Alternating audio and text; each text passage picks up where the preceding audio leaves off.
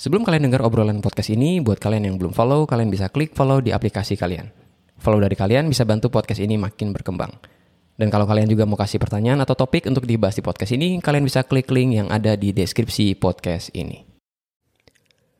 Pernah nggak kita ngerasa diri kita sibuk banget? Banyak banget aktivitas dan prioritas yang harus kita lakukan.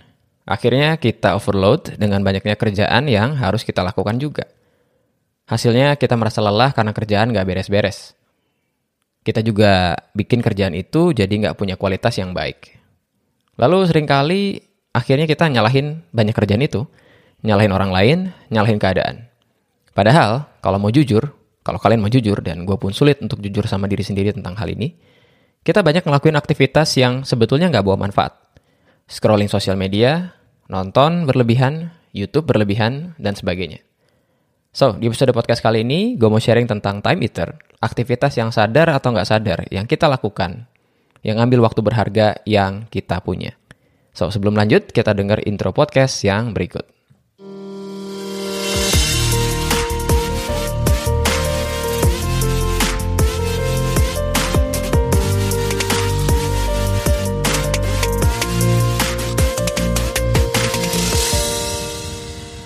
Halo semua, selamat datang di episode 40 dari podcast Pak Kris, podcast yang ngomongin segala hal yang bisa meningkatkan potensi dan value diri kita sendiri nih ya. Dan di bulan ini dan bulan depan kita masih ngomongin tentang produktivitas atau personal productivity ya. Ngatur waktu yang sebetulnya nggak bisa diatur, itu udah kita diskusikan di dua minggu yang lalu. Minggu yang lalu episode 39 kita juga ngomongin tentang kualitas waktu bahwa masing-masing kita punya kualitas waktu yang berbeda-beda. Walau dari segi kuantitas kan sama ya, 24 jam sehari, 7 hari seminggu. So, di episode kali ini kita mau diskusi tentang yang disebut dengan time eater ya. Aktivitas yang sadar nggak sadar, yang kita lakukan yang sebetulnya nggak bawa manfaat bagi kehidupan kita. Time eater ini saking menyenangkannya, kadang kita nggak nyadar bahwa itu kita lakukan. Contoh, kalau kalian sama kayak gue, pada saat kita buka pertama kali Instagram, kita scroll, kemudian scrolling itu akhirnya never ending. Scroll lagi, scroll lagi, dan akhirnya tanpa sadar kita ngabisin waktu yang banyak cuma buat sekedar scrolling. Cuma buat sekedar ketawa-ketawa, cuma buat sekedar pengen tahu berita update, tapi akhirnya menyita waktu kita. Kerjaan jadi nggak beres-beres. Atau kalian pernah juga mungkin ngeliat YouTube cuma sekedar ya 5 menit lah atau 10 menit. Tapi akhirnya berlanjut jadi satu jam bahkan sampai 2 jam. Namanya YouTube rabbit hole ya. Pada saat kita pengen nonton YouTube, masalahnya adalah YouTube itu kasih suggestion selalu nih video selanjutnya. Atau kita nonton satu video kemudian biasanya ada card di YouTube-nya yang bikin kita juga pengen klik dan akhirnya kita nonton dan akhirnya nggak beres-beres. Atau pernah juga nonton Netflix satu film, serial, yang episodenya ada 12. Akhirnya ya tadinya kita mau nonton satu episode, tapi karena di akhir episode selalu ada yang namanya cliffhanger atau scene yang bikin kita penasaran apa yang terjadi selanjutnya sama tokoh utama ini, akhirnya kita klik next, next, dan next lagi. Sadar nggak sadar, ternyata udah jam 3 pagi, udah jam 4 pagi. Waktu kebuang percuma. Itu yang bikin kita jadi merasa bersalah, ya nggak sih? Di satu sisi kita ngerasa kerjaan nggak beres-beres, banyak banget aktivitas yang mesti kita lakuin. Tapi sisi lain, time eater ini kita lakukan dengan voluntarily atau dengan sukarela. Kita akhirnya benci sama diri sendiri. Pernah mungkin kalian kayak gitu ya. Kayak, wow, what did I do? Gue scrolling, gue nonton, yang akhirnya bikin kerjaan gak beres-beres. Lalu, ya itulah manusia ya. Kita akhirnya nyalahin kerjaan itu. Kenapa kok gak beres-beres? Padahal di sisi lain, justru kita nyanyiin waktu. So, di satu sisi kita sibuk, banyak kerjaan, tapi di sisi lain kita melakukan aktivitas yang gak jelas dan gak bawa manfaat. Aktivitas itulah yang dinamakan sebagai time eater. Atau aktivitas yang secara harafiah bisa diterjemahkan sebagai, dalam tanda kutip ya, memakan waktu. Jadi time eater itu adalah aktivitas yang gak bawa dampak baik dalam kehidupan kita. Biasanya aktivitas ini seperti yang contoh tadi yang gue sebutin di awal itu menyenangkan dan kita suka rela melakukannya. Tapi dampaknya nggak baik. Waktu kita terbuang sehingga kita nggak ada waktu untuk melakukan apa yang berarti. Kalau mau reality check, gue mau kasih satu kegiatan ya buat kalian. Reality check.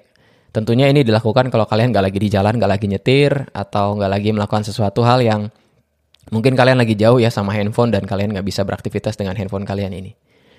For example, ya reality checknya adalah kalau kalian punya aplikasi screen time, kalau di iPhone itu ada ya screen time yang ada di handphone di iPhone.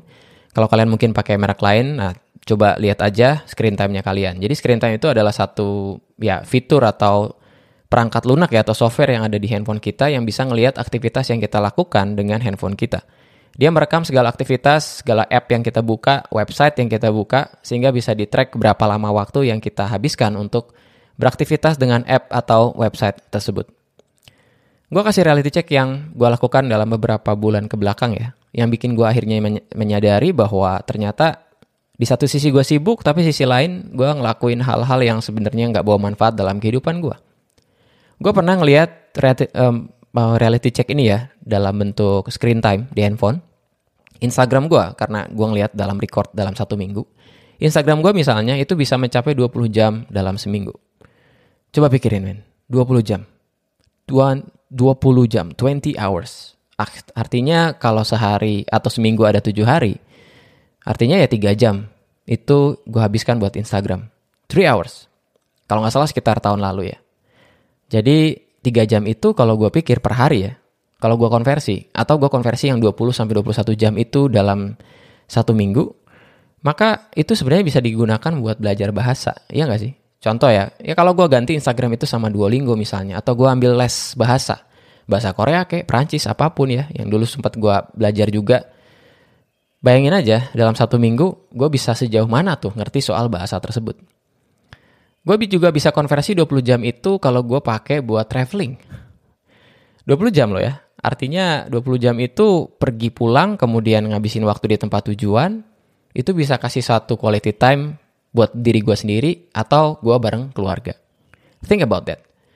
Jadi kalau kalian ngelihat screen time kalian sekitar 10 jam misalnya dalam satu minggu, coba konversi 10 jam itu kalau kalian alokasikan buat mengembangkan diri kalian sendiri. Atau kalian belajar, ya atau kalian kerja misalnya sehingga bisa menghasilkan uang. Kalau dipikir-pikir nggak goda banget ya hidup kita kalau kita mau jujur sama diri sendiri. Dipakai untuk lihat yang nggak jelas, cuma sekedar lucu, update berita juga yang nggak bawa dampak dalam kehidupan kita. Begitu gue pikirkan dengan lebih dalam misalnya ya, gue ngelihat berita misalnya ya, ada macet kayak ada banjir dan sebagainya, kemudian gue share yang sebetulnya gue pengennya menjadi orang pertama, kemudian gue merasa diakui oleh orang lain karena gue yang update, lalu orang lain say thank you, tapi kebanyakan itu nggak terjadi.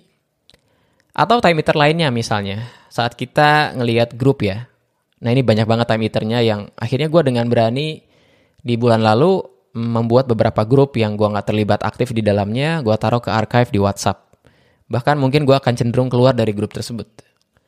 Ada no ada notifikasi masuk dalam handphone kalian ya, kemudian kalian lihat itu notif dari grup, grup alumni SD lah, grup alumni SMP lah, SMA lah mungkin ya.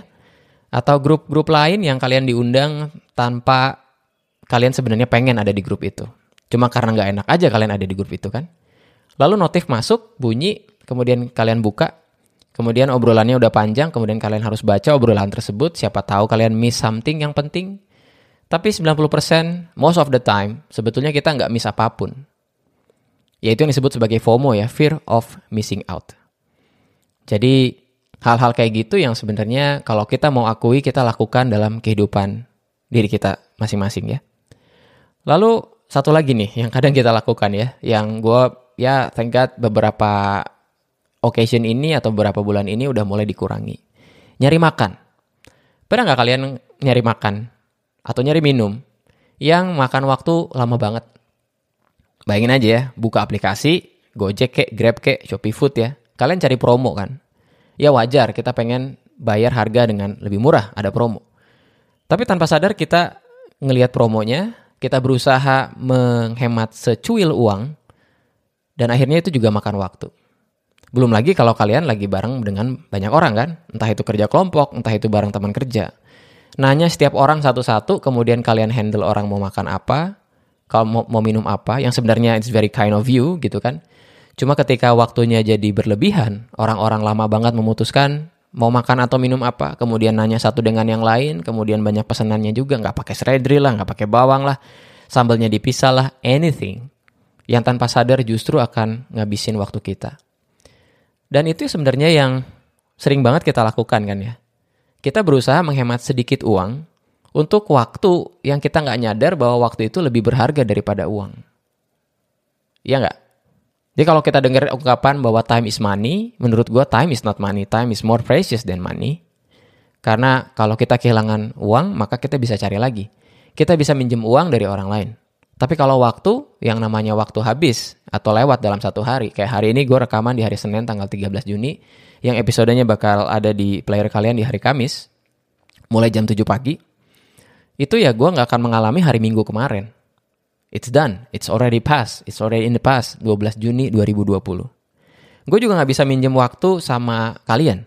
Gue gak bisa minjem waktu sama orang yang nganggur. Ya nggak? Orang-orang nganggur ya, kayak beberapa temen gue mungkin sekarang udah beres ujian ya. Beberapa ya teman-teman yang masih SMA gitu kan. Atau teman-teman gue yang masih SMP.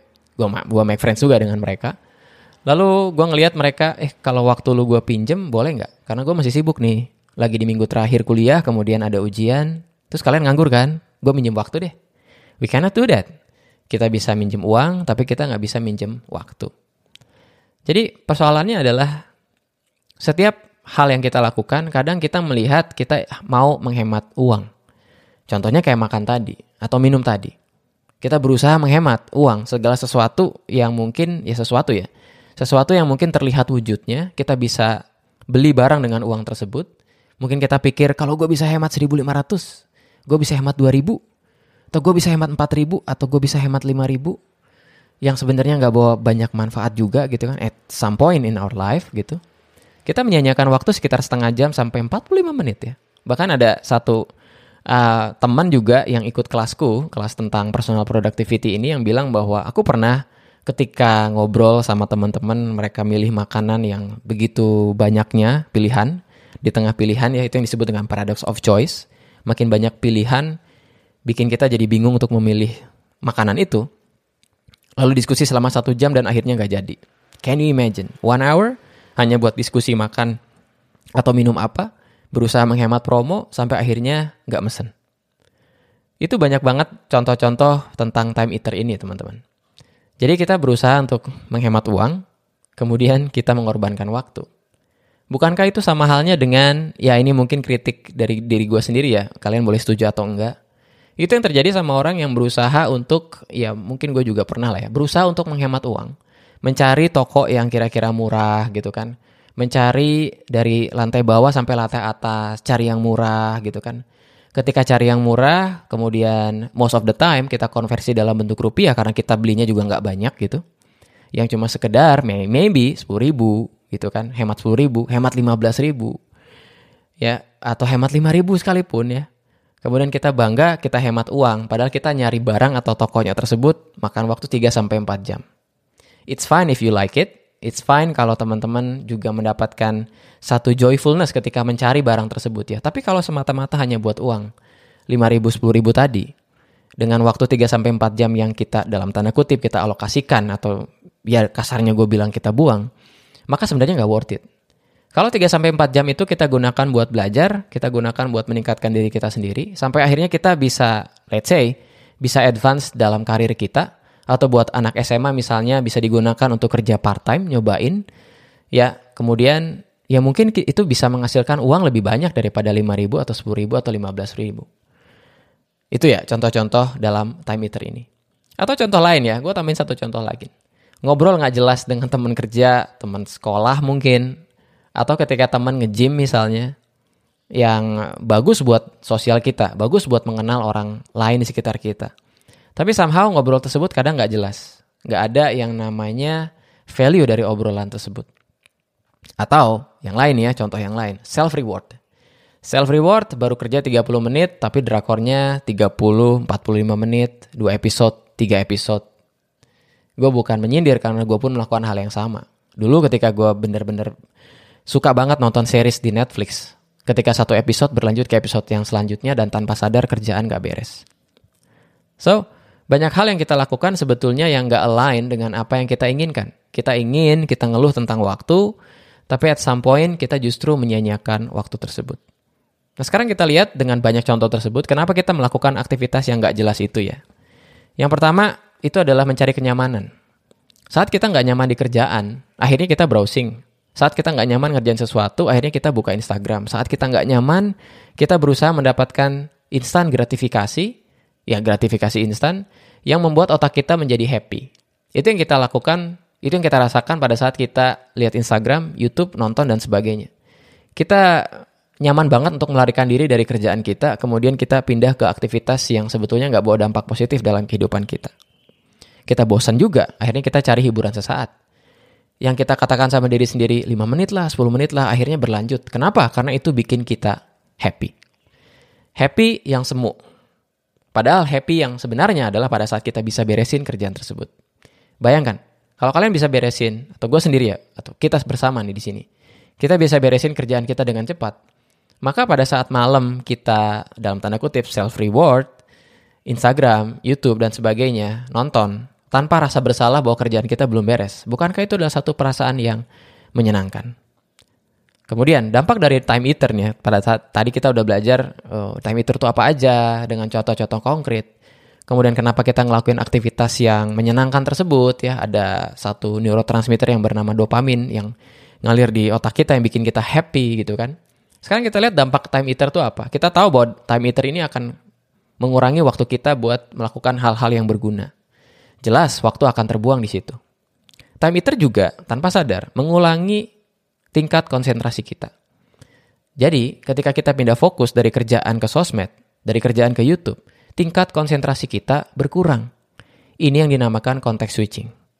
Contohnya nih ya, kita lagi kerja, kerjanya baru 10 sampai 15 menit atau belajar 10 sampai 15 menit, kita belajar sesuatu, otak kita tuh udah terbiasa dengan pelajaran tersebut atau pekerjaan tersebut, ya. Itu yang bikin kita sebetulnya nyaman atau dapetin orang yang namanya flow. Flow dalam mengerjakan sesuatu, flow dalam belajar sesuatu. Bikin kita kadang lupa waktu ketika kita sudah sampai di zona flow tersebut. Cuman sebelum sampai zona flow tersebut, ada yang namanya zona friction atau friksi. Itu yang bikin kita nggak nyaman. Sama kayak pertama kali kalian belajar atau pertama kali kerja, biasanya tuh nggak nyaman. Nggak nyaman gitu kan.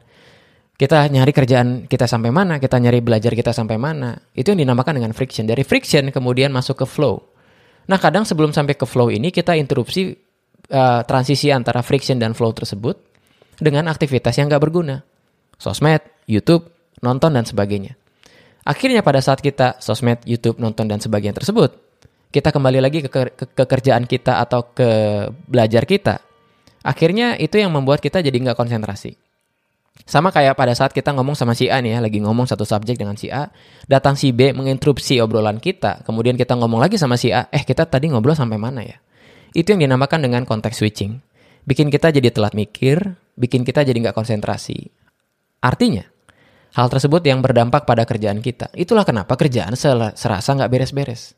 Bukan cuma nggak beres-beres ketika mendekati deadline, kita jadi terburu-buru kerjaan atau pelajaran tersebut yang mau kita kerjakan atau yang telah kita kerjakan, akhirnya punya kualitas yang buruk.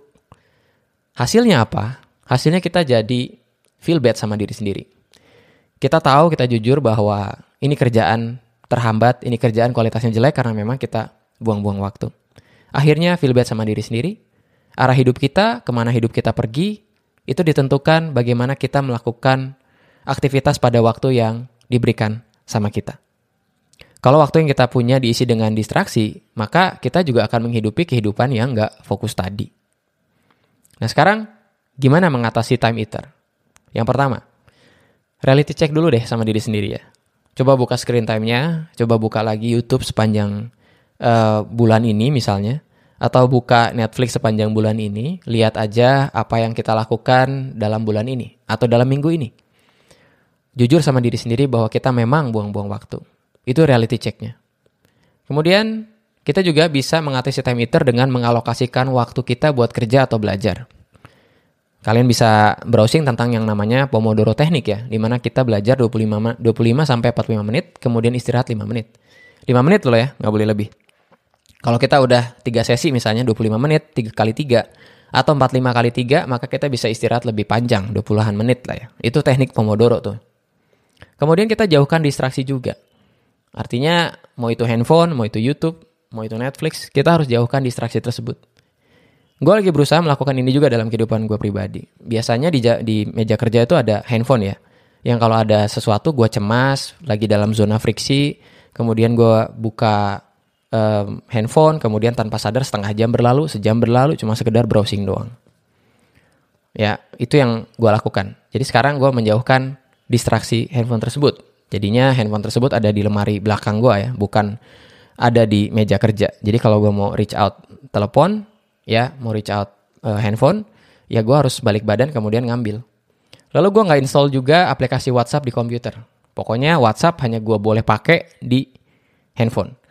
Ya, kadang kita pakai WhatsApp ini kan di desktop ya atau di laptop kita supaya kita balasnya cepet. Cuma kadang balas cepet tuh nggak ada benefitnya.